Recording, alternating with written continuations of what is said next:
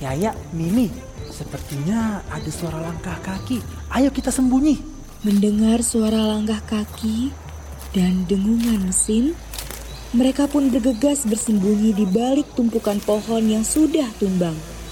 Ternyata itu adalah para penebang liar. Mereka mulai bekerja menebang pohon secara liar tanpa memperhatikan hewan dan tumbuhan di sekitarnya. Dongeng pilihan orang tua.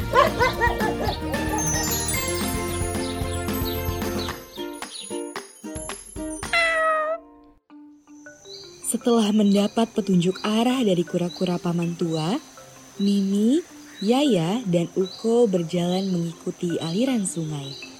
Ketiga kucing itu terlihat bahagia karena tidak sabar untuk pulang ke rumahnya. Mari pulang, pulang, marilah pulang bersama-sama.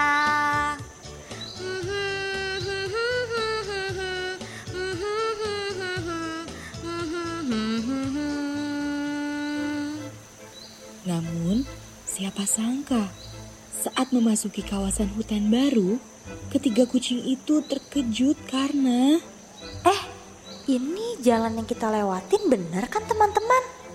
Kok kondisi hutannya gak sama ya kayak yang kemarin kita lewatin? Iya, kok hutannya jadi berubah ya? Aku nggak lihat banyak pepohonan rimbun yang hijau. Suara burung-burung berkicau pun nggak bisa aku dengar. Aku jadi sedih. Yaya, Mimi, sepertinya hutan yang kita masuki sekarang ini bekas penebangan liar. Hutan yang sudah ditebang secara liar sangat sulit kembali hijau lagi.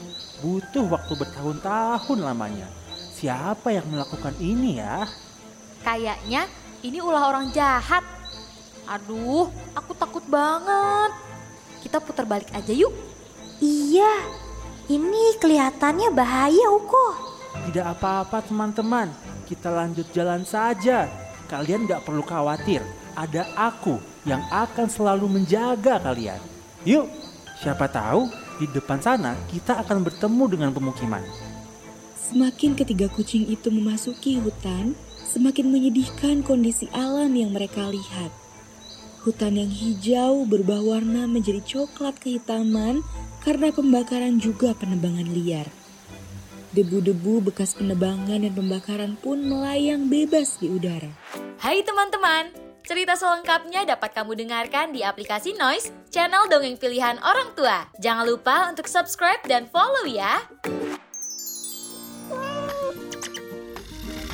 Hai teman-teman, terima kasih sudah mendengarkan dongeng pilihan orang tua. Sampai berjumpa di dongeng berikutnya ya teman-teman. Dadah!